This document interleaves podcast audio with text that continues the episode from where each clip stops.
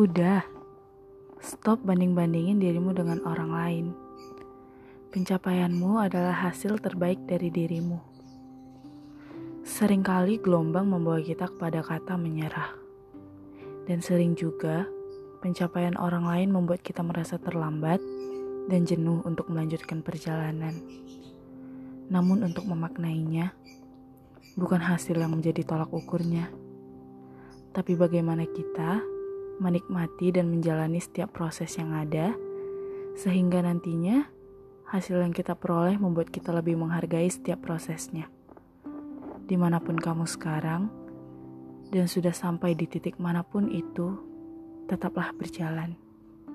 Mungkin jalanmu tak selaju mereka. Mungkin juga jalanmu tak semulus seperti yang kau harapkan. Tapi itu bukan penghalang kesuksesanmu. Jadilah kamu dengan versi terbaik dari dirimu.